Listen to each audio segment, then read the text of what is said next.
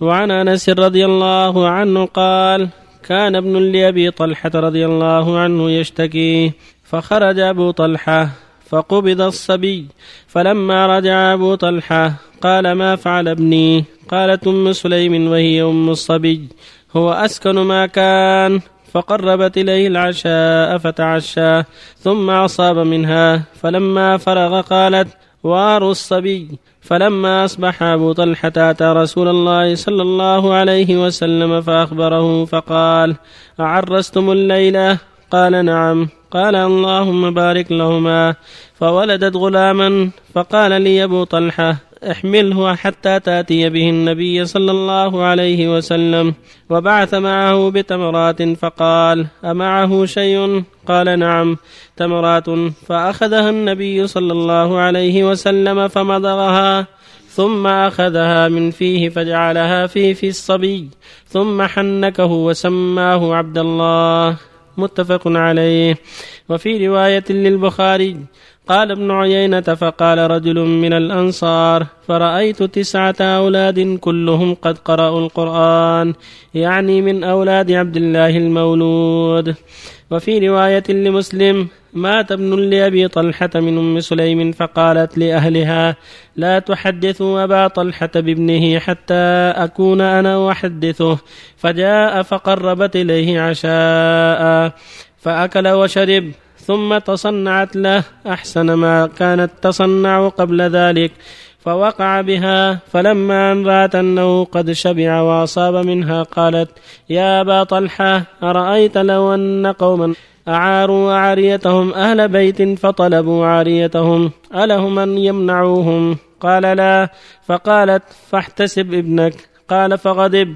ثم قال تركتني حتى إذا تلطخت. ثم أخبرتني بابني فانطلق حتى أتى رسول الله صلى الله عليه وسلم فأخبره بما كان. فقال رسول الله صلى الله عليه وسلم بارك الله في ليلتكما. قال فحملت. قال وكان رسول الله صلى الله عليه وسلم في سفر وهي معه. وكان رسول الله صلى الله عليه وسلم إذا أتى المدينة من سفر لا يطرقها طروقا فدنوا من المدينة فضربها المخاض. فاحتبس عليها أبو طلحة وانطلق رسول الله صلى الله عليه وسلم. قال يقول أبو طلحة إنك لتعلم يا رب أنه يعجبني أن أخرج مع رسول الله صلى الله عليه وسلم إذا خرج وأدخل معه إذا دخل. وقد احتبست بما ترى. تقول أم سليم يا أبا طلحة ما أجد الذي كنت أجد. انطلق. فانطلقنا وضربها المخاض حين قدما. فولدت غلاما فقالت لي امي يا أنس لا يرضعه أحد حتى تغدو به على رسول الله صلى الله عليه وسلم. فلما أصبح احتملته فانطلقت به إلى رسول الله صلى الله عليه وسلم وذكر تمام الحديث. وعن أبي هريرة رضي الله عنه أن رسول الله صلى الله عليه وسلم قال ليس الشديد بالسرعة إنما الشديد الذي يملك نفسه عند الغضب. متفق عليه. بالله التوفيق. بسم الله الرحمن الرحيم. الحمد لله. وصلى الله وسلم على رسول الله وعلى آله وصحبه. أما بعد هذان الحديثان يتعلقان بالصبر. وقد سبقت آيات كثيرات وأحاديث كثيرة كلها تعلق بالصبر. وسبق أن الصبر واجب من الواجبات وفرض من الفرائض. وعبادة من العبادات العظيمة. والله أمر به في مواضع كما قال جل وعلا واصبروا إن الله مع الصابرين. قال سبحانه واصبر وما صبرك إلا بالله. فالصبر على طاعات الله الواجبة واجب والصبر عن المعاصي واجب والصبر عند المصائب واجب. فالمؤمن يصبر عند الأوامر فيؤدي أوامر الله عن إخلاص وصدق ورغبة ويصبر عن محارم الله فيبتعد عن معاصي الله ويكف عنها عن إيمان وعن رغبة فيما عند الله ويصبر عند المصائب فلا يجزع. إذا أصابه مرض أو موت قريب أو فقر أو غيرها لا يجزع بل يتحمل ويصبر ويكف لسانه عما لا ينبغي وجوارحه عما لا ينبغي ويقول إنا لله وإنا إليه راجعون عند المصيبة. اللهم أجني في مصيبتي وأخلف لي خيرا منها. شربه العون. ويتصبر ويتحمل. ومن هذا قصة أم سليم أم أنس وصبرها العظيم. ذكرت في الحديث أنها ولدت ابنها عبد الله وكان مريضا فأخفت موته على أبيه أبي طلحة. فلما جاء قربت عشاءه وتعشى ووقع بها لأنها قد صنعت له وقع بها فلم تخبره. فلما انتهى من أمره.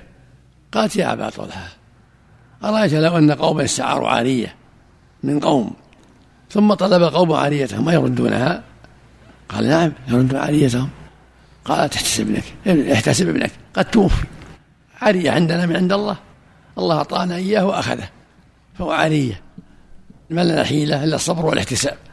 فغضب عليها وقال تركتني حتى فعلت وفعلت ثم أخبرتني فذهب إلى النبي فأخبره يشكوها. فقال النبي صلى الله عليه وسلم بارك الله لكما في ليلتكما. يعني ما حصل من الجماع جعله الله جعله النبي البركة في تلك الليلة التي حصل فيها الجماع ومات فيها الطفل فحملت من ذلك الجماع. فلما ولدت أمرت أنس أن يذهب بالطفل إلى النبي صلى الله عليه وسلم قبل أن يرضع قبل أن يمسه أحد. فذهب به النبي صلى الله عليه وسلم ومعه تمرات ليحنكه فاخذ تمره من فأخذ بعض التمرات ثم ضاعها صلى الله عليه وسلم ثم مجها في الصبي ثم حنكه وسماه عبد الله. قال الراوي فلقد رأيت تسعة كلهم من أولاد عبد الله قد قرأوا القرآن. يعني بارك الله فيه هو صحابي صغير ورزقه الله تسعة من الولد كلهم قد حملوا القرآن. ففي هذا فوائد منها الصبر. والاحتساب لأن الرسول صلى الله عليه وسلم ما أنكر على أم سليم ما فعلت.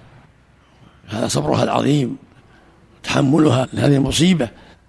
وفيه أيضا الدعاء للمولود وللمجامع بركة بارك الله لكما في ليلتكما وفيه من الفوائد لا بأس يسمى المولود في أول يوم إن سمى في اليوم واليوم فلا بأس وإن سمى في اليوم السابع فلا بأس. وفي هذا سماها النبي في أول يوم. وهكذا ابنه إبراهيم. قال صلى الله عليه وسلم ولد ليلة ابن فسميته إبراهيم. فالتسمية تكون في اليوم واليوم ولا تكون في اليوم السابع. وفيه التحنيك وأنه يحنك الطفل بالتمرة. يعني ترفع لهاته يرفعه يمضغها أبوه وأمه ويحنكه بالتمرة.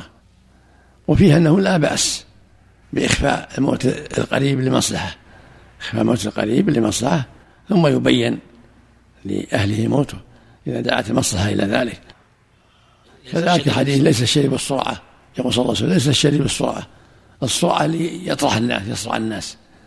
يسمونه اللي يطرح الناس إذا طرحهم طرحهم من قوته. ليس الشديد بالسرعة إنما الشديد الذي يملك نفسه عند الغضب يعني أولى بهذا الاسم وأولى بهذا المدح الذي يملك نفسه عند الغضب مثل قول صلى الله عليه وسلم ليس المسكين بهذا الطواف. من يترده اللقمة واللقمتان والتمرة والتمرتان وإنما المسكين الذي لا يجد غنى يغنيه ولا يطلع فيتصدق عليه ولا يقوم فيسأل الناس. يعني هذا أولى باسم المسكنة. اللي يطوف مسكين لكن الذي يتعفف أولى وأولى باسم المسكنة وأولى بالصدقة والمساعدة. فهكذا اللي يملك نفسه عند الغضب أولى بهذا الاسم من اللي يصرع الناس. لأن الغضب نار تغلي في قلب الإنسان فإذا أعانه الله على كظمه والصبر صارت نعمة كبيرة. فالغضبان قد يضرب وقد يلعن وقد يطلق من شدة التغير.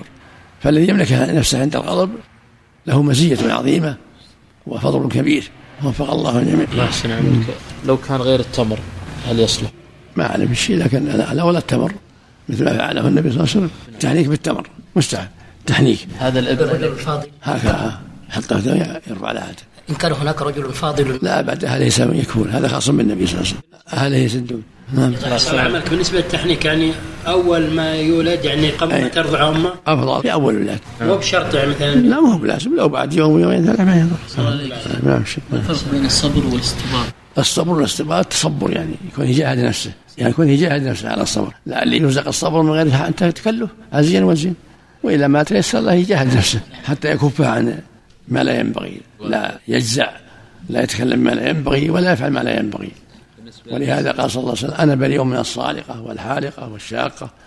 وصلى الله عليه وسلم ليس منا من ضرب الخدود أو شق الجيوب أو دعا بدعوى الجاهلية وعقد النساء وعاهدهن على ألا ينحن. نعم. بالنسبة للأسماء راكان.